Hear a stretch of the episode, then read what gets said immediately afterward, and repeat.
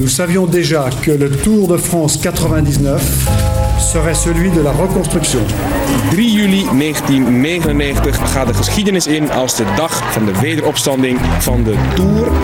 Als deze Tour de France de verkeerde kant op gaat, opnieuw schandalen en, en al dat soort dingen. Lance Armstrong has made a magical return to the Tour de France.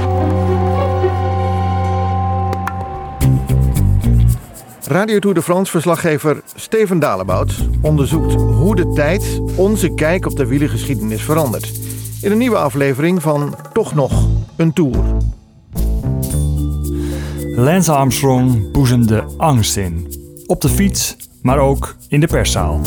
There was no difference between attacking in the mountains or attacking at the press conference. Well, this is the move now. Armstrong has waited long enough, uh, stripped of all his teammates. He's taking the job in hand. It was the same mentality. I couldn't turn it off. In my view, I, I think extraordinary accusations must be followed up with extraordinary proof. Huge mistake. I mean, I'd love to. We'd all love to go back in life and, and have a few do-overs. Het was een grote vergissing, zegt Armstrong nu tegen de Amerikaanse omroep NBC. Helemaal omdat bijna alle beschuldigingen waar waren. Never should have taken it on, especially knowing that most of what they said was true.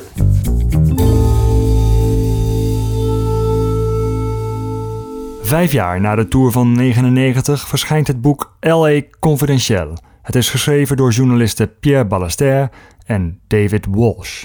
In het boek staan onderbouwde beschuldigingen over dopinggebruik van Lance Armstrong.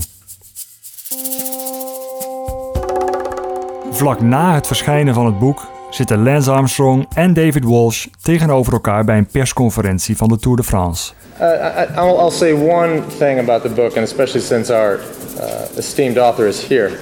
Armstrong neemt het woord en snoert journalisten de mond. And Mr. Walsh and Mr. Ballester have worked four or five years, and they have not come up with extraordinary proof. I'm not done. Ik probeer me in de situatie van Walsh te verplaatsen. Het moeten lastige momenten zijn geweest. Toch zegt Walsh dat hij niet verbolgen is. At that time, what he was doing was the natural thing for him to do. Voor Armstrong was het een logische manier om zijn belangen te beschermen. Um, to protect his interests. Now, was he was he brutal in the way that he that he treated his adversaries? Yes, of course he was. Ja, hij schoffeerde zijn tegenstanders, maar het maakte me niet uit. But that that didn't bother me then.